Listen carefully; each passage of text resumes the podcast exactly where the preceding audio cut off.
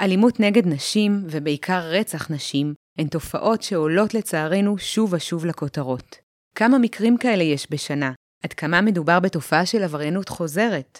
ומה עושים ומה אפשר לעשות כדי לנסות ולצמצם את ממדי התופעה? כל זאת ועוד, מיד לאחר הפתיח.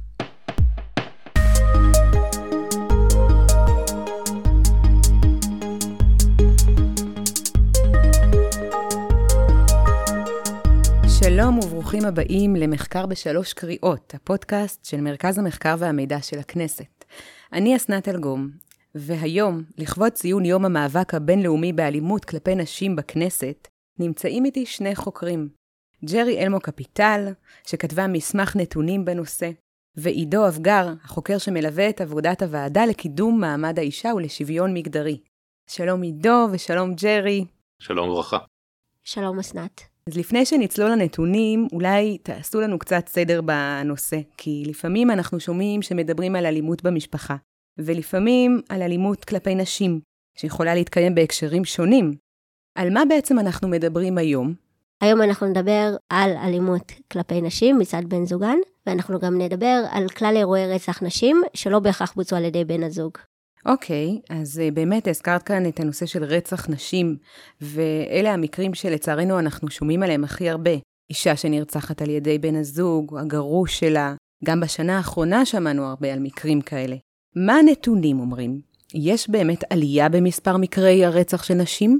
Uh, אנחנו בדקנו את החמש שנים, מה קרה בחמש שנים האחרונות, מ-2016 עד 2020, ומה שראינו זה שיש בעצם מגמה מעורבת. בסך הכל בחמש שנים הללו נרצחו 122 נשים, וכ-40% מהנשים הללו נרצחו על ידי חשוד שהיה בן הזוג שלהן. כשאנחנו אומרים בן הזוג, יכול להיות שזה בן הזוג שהיה בן הזוג של הקורבן נכון לאותה נקודת זמן, גם יכול להיות מקרים שמדובר בגרוש או פרוד של הקורבן. אוקיי, okay, איפה זה עומד ביחס למקרי רצח בכלל, או לרצח של גברים? אנחנו יכולים לומר שבין השנים הללו, בין 2016 ל-2020, נרצחו בסך הכל 513 בני אדם, mm-hmm. וכרבע מהקורבנות היו נשים. אוקיי, okay, אז נחזור ברשותך רגע לרצח נשים. מי הנשים שנרצחו? אנחנו יודעים משהו על המאפיינים שלהן? יש איזושהי בולטות של קבוצות אוכלוסייה מסוימות? כן, אנחנו יכולים לבחון לפי אה, קורבנות יהודיות וקורבנות ערביות, mm-hmm. ואנחנו יכולים לראות, נבחן את שנת 2020 שהיא שנה מלאה ויש לנו נתונים מלאים. בשנת 2020 נרצחו בסך הכל 26 נשים, והרוב, 15 אה, נשים, היו ערביות. ערביות שמהוות חמישית מהאוכלוסייה הן רוב הנרצחות. נכון, אנחנו גם רואים שבקרב היהודיות עצמן, אנחנו רואים בולטות של קבוצת אה, העולות. בשנת 2020 נרצחו בסך הכל 11 נשים יהודיות, ורובן, שמונה מתוך ה-11, היו אה, עולות. Mm-hmm. והגדרת אה, משטרת ישראל לעולה זה כל מי שעלה לארץ החל משנת 1989. אני רוצה רגע ברשותך להתעכב על הנושא של אה, המאפיינים של הרוצח, כשאנחנו מדברים על רצח נשים. מה אנחנו יודעים להגיד על מי שרצח אותן? אנחנו נבחן אה, את אירועי הרצח שאירעו בשנת 2020, שכאמור אמרנו שזה מדובר בנתונים מלאים. כשאנחנו בוחנים את רמת הקרבה בין החשוד לקורבן ברצח, יש לנו התפלגות של שתי קבוצות, קורבנות ערביות וקורבנות יהודיות. בקרב היהודיות אנחנו רואים שבמרבית המקרים החשוד ברצח הוא בן הזוג של הקורבן, ובקרב הערביות, בשבעה מתוך חמישה עשר מקרי רצח, זהותו של החשוד לא ידועה, כלומר, טרם ידועה למשטרה. אה, אנחנו מדברים על תיקים שהמשטרה עדיין לא פענחה. ובשליש מאירועי הרצח של נשים ערביות, החשוד ברצח היה בן הזוג. Mm-hmm. חשוב לציין שכ-18% מהקורבנות הגישו תלונה במשטרה בגין אלימות עוד לפני הרצח. מהנשים בכלל, זאת אומרת, גם היהודיות וגם נכון. הערביות. בנקודה הזאת אני רוצה לחדד ולהגיד שהשנה אמנם הנתון מדבר על 18%, בשנה שעברה קיבלנו נתון יותר גבוה ובעצם בשליש ממקרי הרצח של נשים בשנים 2018 ו-2019 הוגשה תלונה במשטרה על אלימות מצד בן הזוג טרם הרצח, אנחנו לא יודעים באיזה מועד. ועוד אני אחדד שגם ברבע ממקרי הרצח שלא היו מפוענחים או שבוצעו על ידי זר, הוגשה תלונה קודמת. והתופעה הזאת גם התופעה של רצח שלא מפוענח וגם התופעה של תלונות קודמות אה, על אלימות במשפחה בולטת במיוחד בקרב נשים ערביות.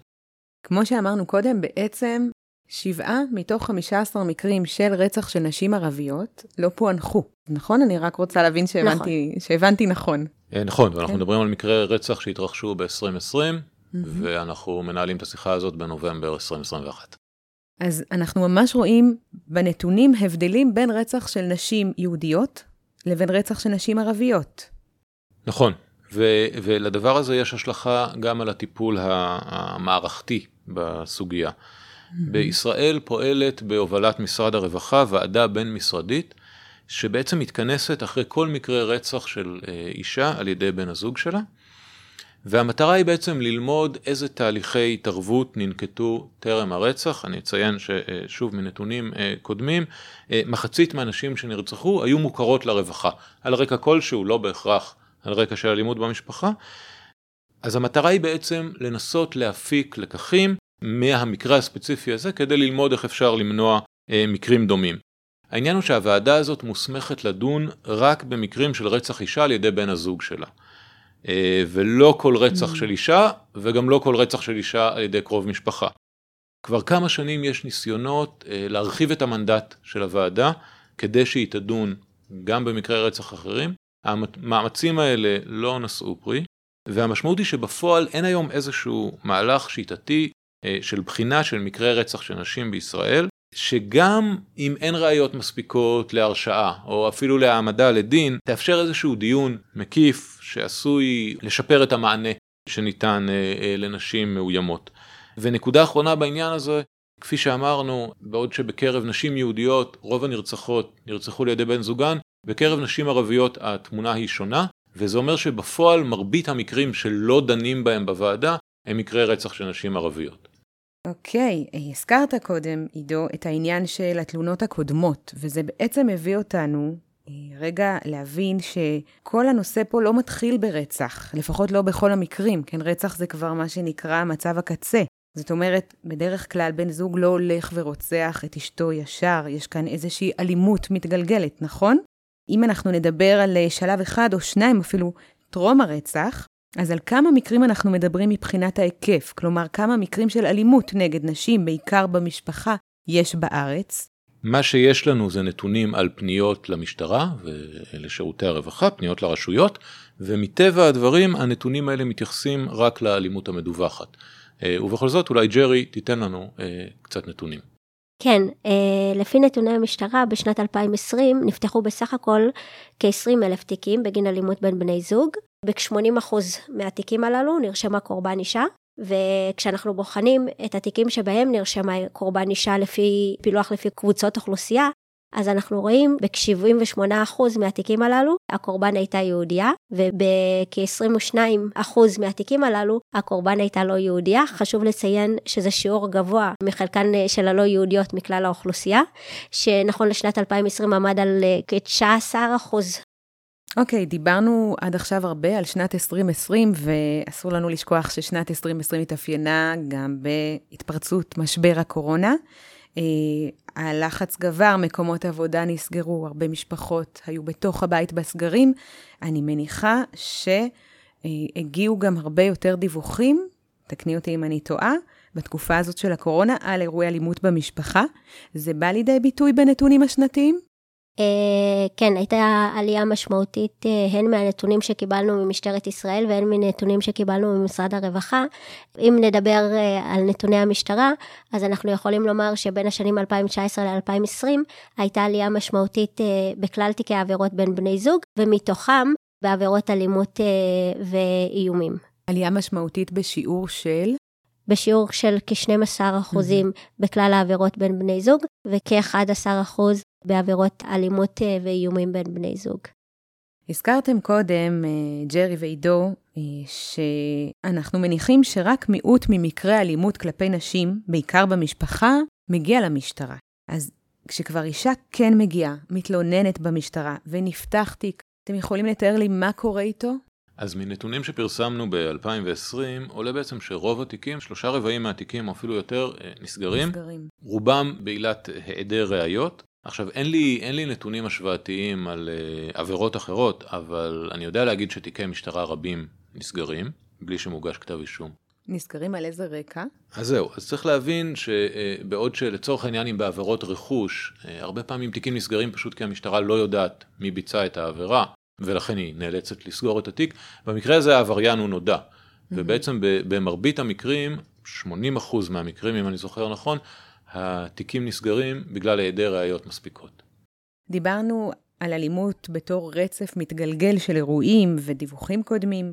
אה, יש לנו נתונים שמעידים על החזרתיות הזו?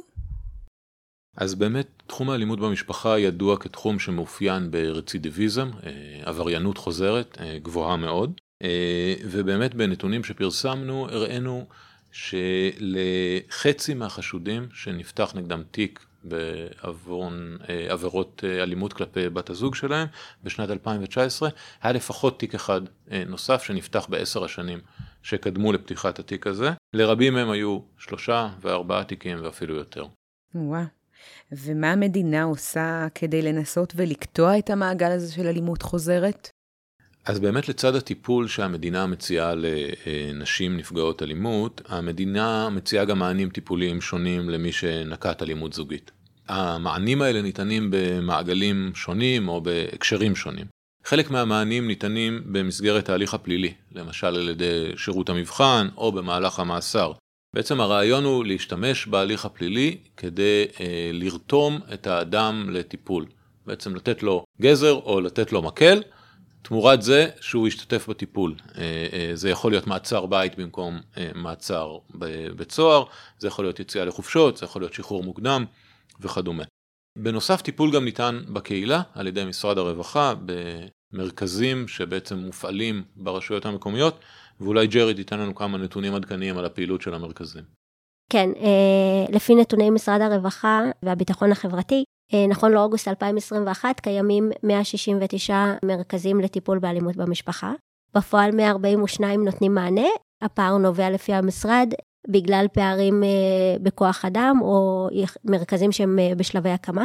נכון לשנת 2020, כעשרת אלפים מטופלים טופלו במרכזים הללו. אנחנו יכולים לומר שבשנת 2020 הייתה עלייה של 6% במספר הכולל של המטופלים לעומת שנת 2019. אוקיי. Okay. ויש לנו כיום למעלה מ-100 מרכזים, כמו שאמרת, שפרוסים בכל רחבי הארץ. נכון. Mm-hmm.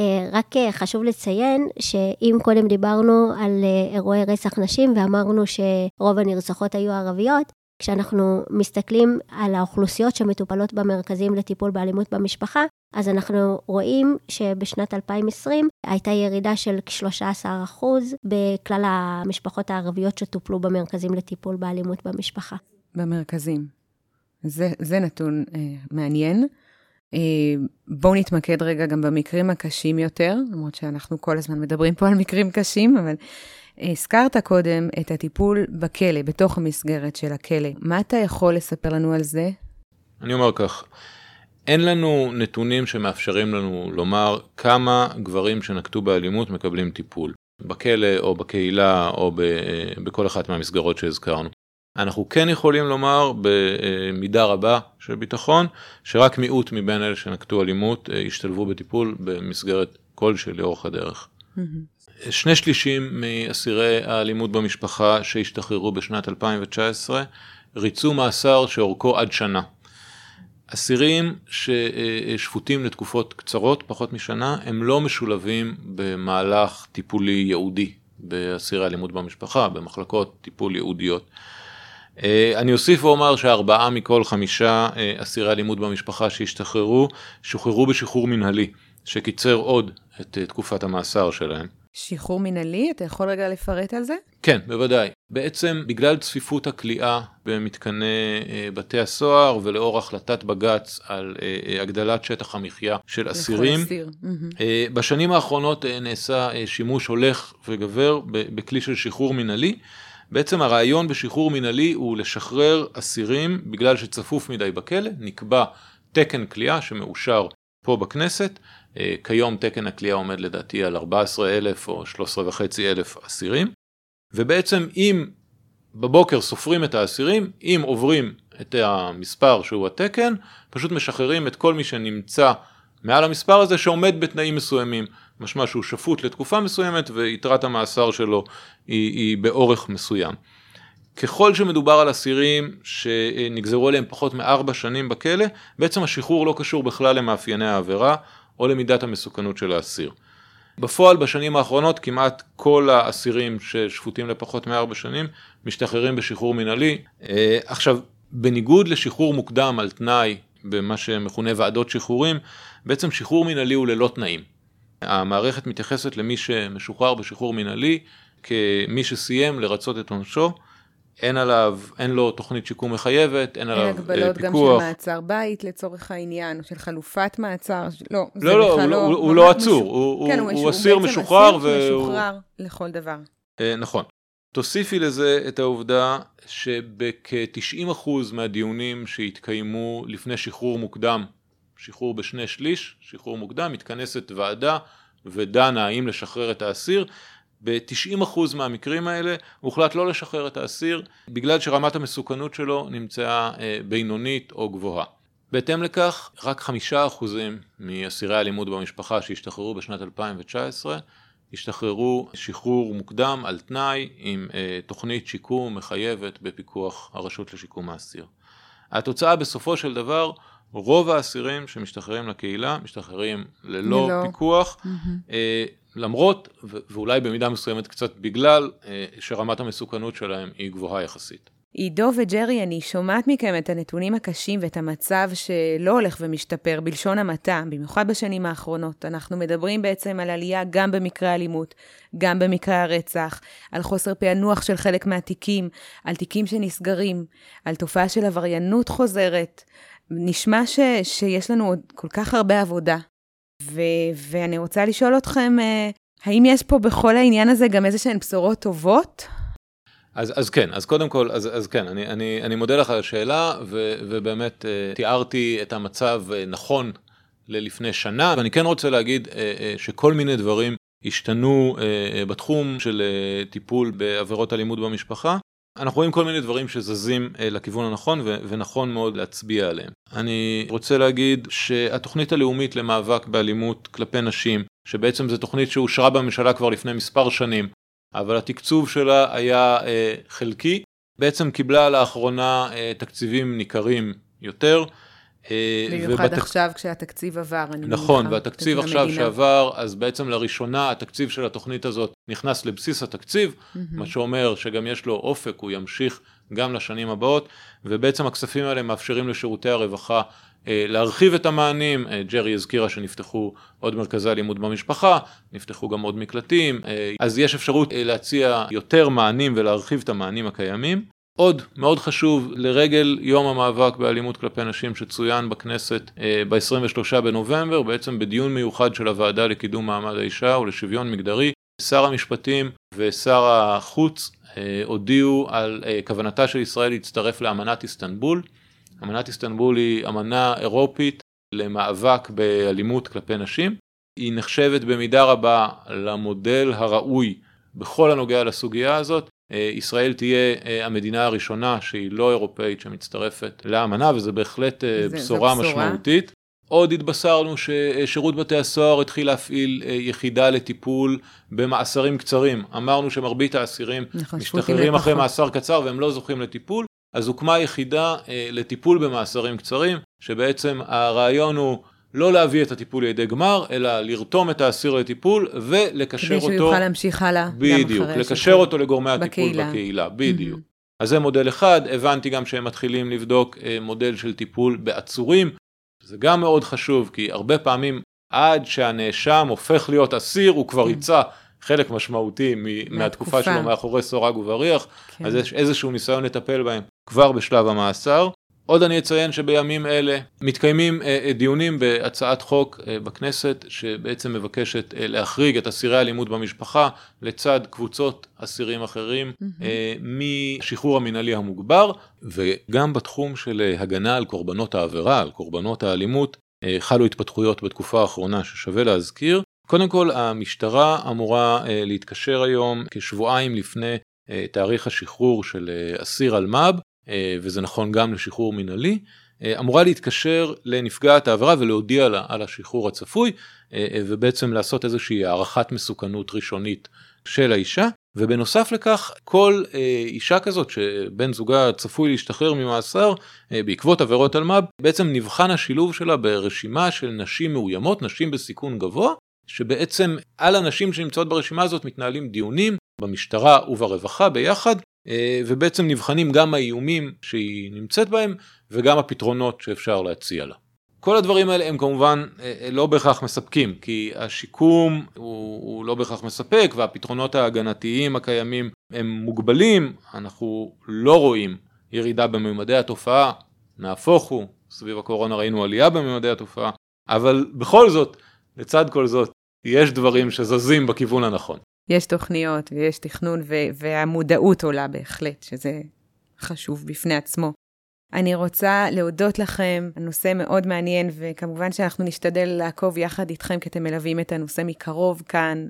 תודה רבה שהאזנתם לנו. נזכיר רק לסיום שאת המסמכים שדיברנו עליהם ועוד מסמכים רבים אחרים נמצא למצוא באתר הממ"מ, מרכז המחקר והמידע של הכנסת. תודה שהאזנתם לנו.